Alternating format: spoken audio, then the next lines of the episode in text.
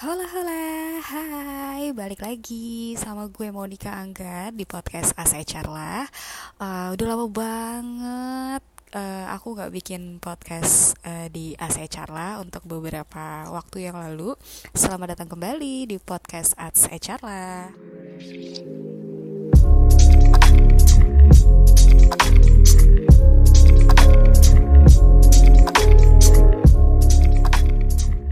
Teman-teman, kali ini aku mau ngebahas tentang tips and advice how to prepare your resume. Nah, uh, sebelumnya aku mau minta maaf banget karena beberapa waktu lalu atau sampai saat ini akhirnya aku baru bisa bikin podcast lagi di episode terbaru aku di episode ketiga ini.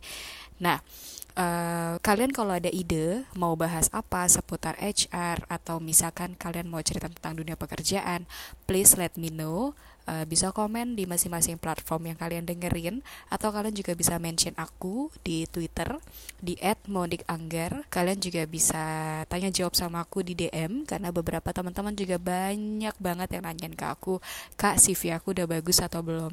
Kak, CV aku ini udah oke okay atau belum? Kak, CV aku ini uh, secara bahasa sudah bagus atau belum. Nah, karena banyak yang nanya kayak gitu, jadi aku bikin episode ketiga ini untuk tiga tips dan advice gimana kalian bikin CV kalian yang menarik di mata HRD. Kalian jangan lupa catat apa aja poin-poin yang akan aku berikan, so stay tune. Tips yang pertama, bagaimana mempersiapkan CV. Jika kalian memiliki pengalaman kurang dari lima tahun, CV kalian bagusnya hanya mengambil selembar kertas aja, teman-teman. Kenapa? Karena untuk mempersingkat bagi rekruter bisa melihat diri kalian dalam satu lembar kertas. Misal, yang kalian cukup tonjolin itu adalah uh, pertama dari satu lembar itu profil, foto, di bar paling atas. Jadi kalian harus uh, kalian bisa bikin CV itu uh, lurus aja tapi uh, ke tengah semua tulisannya, semua desainnya ke tengah. Jadi sesimpel mungkin. Kalian bisa taruh paling atas itu adalah untuk bio kalian. Kayak foto, nama, alamat email, nomor telepon sama singkat dari alamat rumah atau alamat tempat tinggal. Jadi kalian gak perlu tulis alamat rumah saya di uh, BSD Raya, uh, bla bla bla bla, Tangerang Selatan kode pos. Jadi cukup misalkan BSD City, South Tangerang, lalu nanti ada uh, zip code-nya. Nah, di garis, di line, di bawah itu adalah summary tentang diri kalian. Oke, okay? summary tentang diri kalian, kalian bisa tulis misalkan yang baru mulai kerja, kalian bisa share uh, summary kalian, kalian itu orangnya seperti apa, keunikan kalian itu apa kalian bisa share kalian punya personality, kalian bisa share kalian punya keunikan. Apa pun summary tentang diri kalian, kalian bisa put di summary profile. After that, kalian kasih line lagi and then langsung move to experience. Experience ini untuk teman-teman yang sudah punya pengalaman, berarti kalian harus share kalian punya pengalaman kerja di mana saja. Yang paling atas adalah uh, yang saat ini kalian bekerja di uh, kantor saat inilah ya. Pokoknya kalau kalian lagi kerja nih, yang paling atas adalah posisi tempat kerja yang saat ini. Lalu yang kedua adalah yang sebelum saat ini. Lalu yang ketiga, misalkan kalian sudah banyak pekerjaan lebih dari lima perusahaan, terus aja, terus terus. Tadi yang paling bawah adalah yang pertama kalian uh, start untuk bekerja. Nah, di kolom experience ini kalian bisa masukin yang sudah punya pengalaman kerja sebagai employee, kalian bisa masukin title kalian, lalu nama perusahaan kalian. Kalian juga masukin jangan lupa tanggal kalian join. Kalau kalian memang sudah resign, kalian tulis juga tanggal terakhir kalian di tempat itu. Lalu lokasi dari kantor itu di mana? Misalkan Jakarta, Singapura New York. Kalian bisa tulis city-nya aja. Lalu nanti di kolom bawah kalian masukin deskripsi singkat tentang pekerjaan yang kalian lakuin. Nah, deskripsi ini bisa kalian lakukan, bisa kalian isi dengan uh, tanggung jawab kalian selama kalian kerja di sana. Kalian sudah mempekerjakan proyek apa saja, apa keahlian kalian, apa yang kalian lakukan di project itu, apa result dari yang kalian berikan. Ini sebenarnya akan digali ketika interview. Nah, move dari experience, kalian langsung bisa masukin skill. skill apa aja yang kalian punya. Kalau misalkan kalian adalah data analis, skill yang kalian masukkan atau kalian teknik informatika, skill yang kalian masukkan bisa uh, bahasa pemrograman atau misalkan kalau anak data analis bahasa apa aja sih yang bisa kalian pakai. Misalkan kalau anak data analis kayak MySQL, Python, uh, Excel Mark, makro. Tapi kalau anak IT mungkin ada bahasa pemrograman Java, ada Flutter, ada yang lain-lain. Nah itu kalian masukin. Perlu nggak sih kak dikasih diagram eh, kira-kira kita tuh bisa di angka berapa untuk untuk bahasa pemrograman yang kita kuasai? I think no need. Karena kalau kalian kasih diagram, rekruter nggak akan penasaran dengan kalian. Jadi kalian cukup info aja keahlian apa aja yang bisa kalian gunakan kalau keahlian itu bisa anda gunakan tapi kayaknya udah lama banget saya nggak gunakan better nggak perlu dimention di CV jadi yang dimention di CV adalah yang kalian bisa gunakan atau yang kalian sering gunakan gitu Oke, lanjut paling bawah kalau misalkan kalian punya sertifikat, kalian pernah mengikuti training dan lain-lain, kalian juga bisa masukin di situ. Ya, yang paling terakhir yang paling bawah adalah edukasi. Education uh, penting di paling bawah yang kalian masukin adalah major kalian, lalu university, habis itu tahun kalian uh, start sampai kalian lulus. Oke, okay, GPA no need.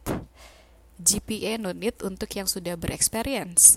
Tapi kalau yang baru lulus dan kalian mau apply sebagai manajemen trainee, itu kan ada kualifikasi untuk GPA. Itu bisa kalian edit CV kalian untuk melamar MT tersebut dengan memasukkan GPA kalian. Gitu hobi. Hobi juga penting. Hobi sebenarnya bisa kalian masukkan di summary kalian. Jadi nggak perlu kalian masukkan di uh, satu part uh, khusus untuk hobi. Jadi kalian bisa masukin keunikan hobi kalian itu di summary. Nah yang kedua tonjolkan keterampilan dan pengalaman yang paling relevan dengan lowongan pekerjaan yang ingin kalian apply. Misal kalian yang ingin melamar posisi data analis yang tadi saya sampaikan. Tonjolkan keahlian kalian. Kalian tuh bisa pakai bahasa data program apa aja IT kalian biasa melakukan bahasa pemrograman untuk coding itu apa aja gitu. Kalau misalkan sudah masuk sama apa yang dicari atau sudah masuk dengan apa kualifikasi yang ada di iklan yang ingin kalian lamar, kalian bisa tonjolkan di CV kalian. If no, atau kalau memang nggak ada yang sama sekali masuk dalam kriteria tersebut, kalian tidak perlu masukkan di dalam CV gitu. Tapi CV ini dibuat ketika sebelum kalian melamar ya teman-teman. Jadi apa yang ada di diri kalian, passionnya apa, kalian masukkan di situ. Nah, yang ketiga, buatlah jelas dan tepat mengenai pengalaman sebelumnya. Nah, ini sebenarnya yang tadi saya sampaikan juga, buatlah jelas dan tepat mengenai pengalaman Anda sebelumnya. Yang tadi aku bilang, experience project. Biasanya experience ini teman-teman yang sudah punya pengalaman.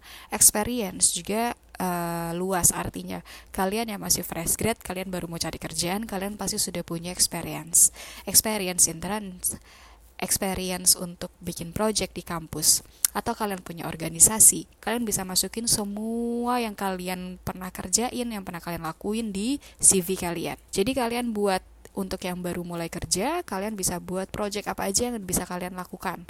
Project apa aja yang sudah kalian lakukan. Kasih tanggal mulai sampai uh, akhir dari project itu? Dan apa sih tanggung jawab kalian di project itu?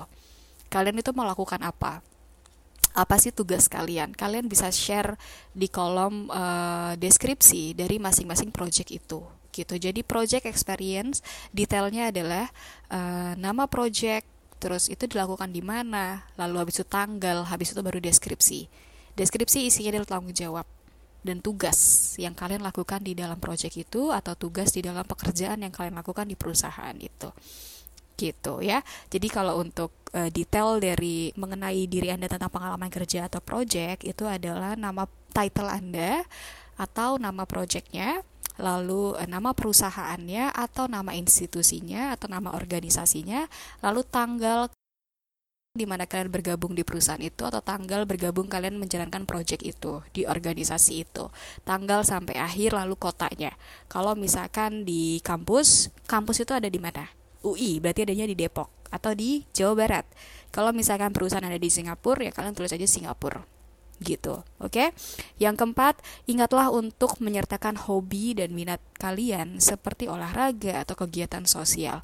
Ini yang tadi saya sampaikan juga. Ini adalah hal yang paling unik dari masing-masing kandidat di CV ketika mereka uh, share mereka punya hobi atau mereka share mereka punya minat atau mereka punya share mereka punya kegiatan sosial charity atau mereka punya sosial organisasi itu unik banget ada di CV.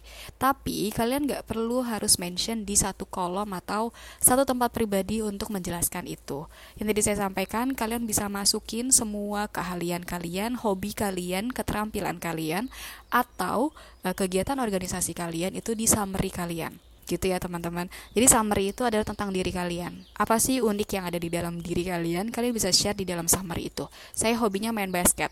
Saya sudah mengikuti uh, pertandingan basket di seluruh Banten uh, segini segini segini segini gitu. Itu kan unik. Jadi ketika nanti di kantor itu ada uh, tim basket, kalian pasti akan langsung direkomendasikan. Kalau kalian join, pasti kalian akan direkomendasikan. Nih loh, anak ini ternyata jago banget main basket ya. Atau ternyata kalian adalah aktif di organisasi charity, sosial. Itu juga baik. Kalian siapa tahu bisa masuk di tim CSR di kantornya kalian gitu ya tapi nggak perlu kalian mention di satu kolom kalian cukup uh, taruh di summary kalian Oke, okay? karena ini podcast teman-teman, jadi aku nggak bisa ngegambarin kira-kira CV-nya kayak apa.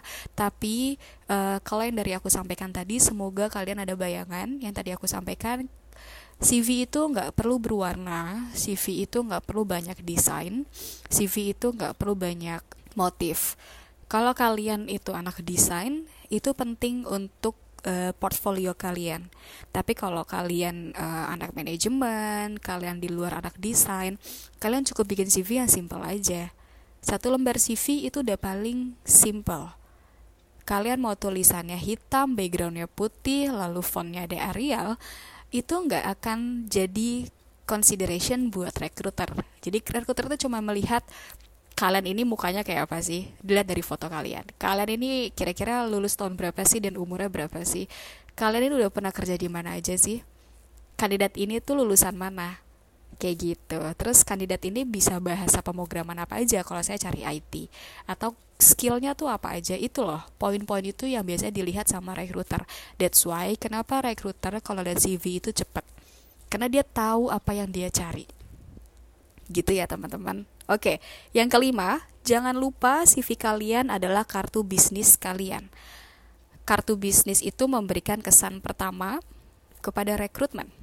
Jadi buatlah kartu bisnis kalian semenarik mungkin dan sesingkat mungkin. Itu yang tadi aku sampaikan. Satu lembar itu cukup, jangan lupa dikasih foto. Terkadang kami para rekruter melihat CV hanya kebutuhan yang sedang kita cari aja. Ini juga yang tadi aku bilang. Kita cuma cari CV, itu sesuai sama apa yang kita cari. Jadi kalau kalian terlalu mention banyak banget dan kita akhirnya nggak akan baca apa yang kalian mention. Gitu teman-teman. Jadi yang kalian tulis adalah memang yang uh, dibutuhkan aja secara universal dan itu cukup untuk kita bisa ngelihatnya dan kita bisa membacanya. Tips yang kedua, cara mempersiapkan cover letter. Nah, nggak semua banyak CV uh, eh, menyertakan cover letter. Cover letter itu apa sih kak? Cover letter itu adalah surat pengantar uh, lamaran pekerjaan. Cover letter biasa dilakukan untuk uh, mengirimkan CV di uh, email. Jadi cover letter ini seperti uh, yang ada di badan email.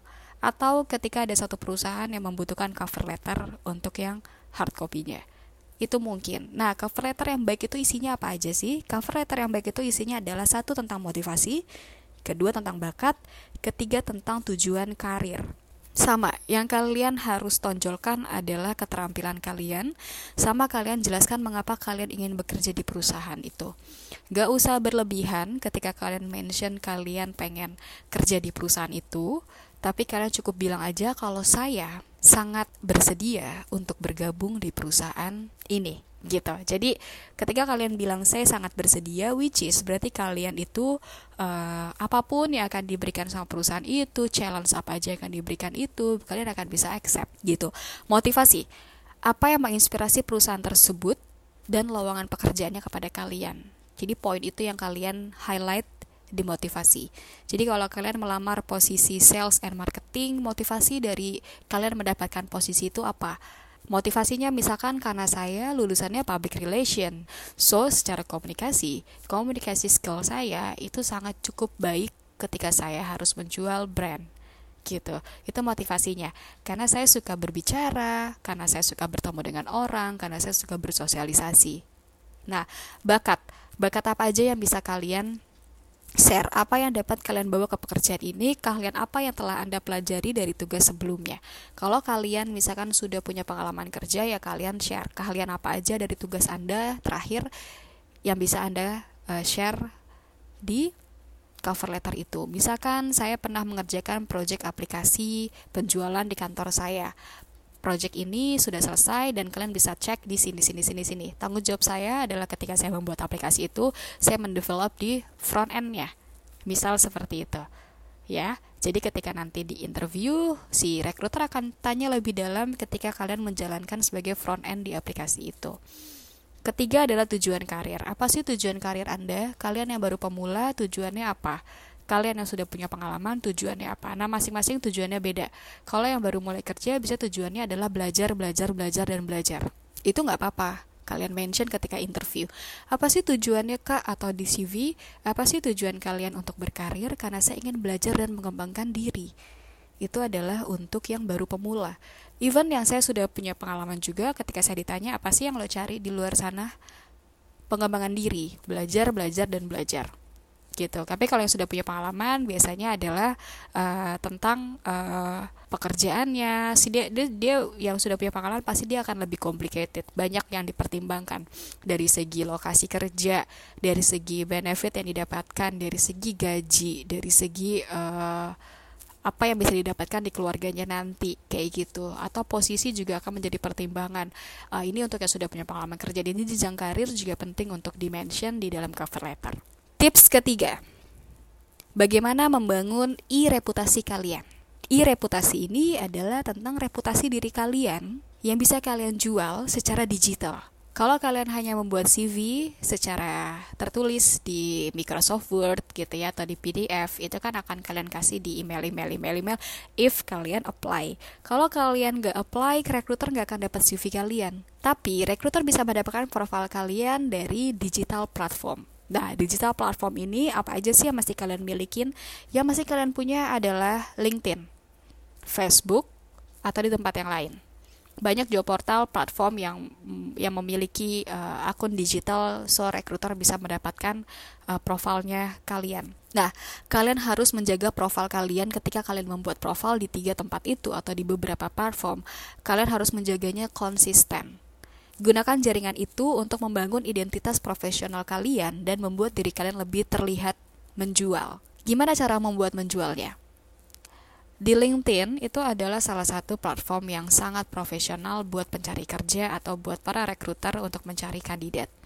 Nah, ketika kalian misalkan membuat akun profil di LinkedIn atau di Facebook atau misalkan di platform job portal lainnya, kalian harus make sure kalau kalian harus mengupdate semua aplikasi tersebut. Apa aja yang perlu diupdate? Diri kalian, misalkan kalian punya profil title baru atau kalian baru lulus training course apa terus kalian dapat title kalian harus update semuanya. Atau kalian punya tanggung jawab pekerjaan di tempat kalian kerja atau di project kalian. Project itu adalah baru kalian juga harus update di digital itu di sorry kalian harus update di platform masing-masing uh, kalian punya profil. Lalu di CV juga jangan lupa kalian juga update. Jadi kalian harus uh, sama dengan apa yang ditulis di CV sama apa yang ditulis di digital uh, eh, CV kalian. Jadi yang dia harus diupdate itu apa aja sih? Yang harus diupdate termas yang harus diupdate uh, di digital platform ini atau di digital CV adalah mengenai informasi keterampilan, pengalaman, pelatihan, dan perincian spesifik lainnya. Jadi kayak yang tadi saya sebutkan, ada perubahan title, ada penambahan pekerjaan, ada misalkan ilmu baru yang kalian dapatkan, kalian put semuanya di digital platform itu dan update juga di CV kalian. Nah, berhati-hatilah terhadap profil foto yang akan kalian pasang di digital itu ya. Profil foto yang baik itu seperti apa sih, Kak? Profil foto yang baik itu adalah kalian cukup ngambil itu setengah badan tapi posisinya berdiri atau duduk juga nggak apa-apa. Tapi yang diambil adalah setengah badan, jadi dari dada ke bawah.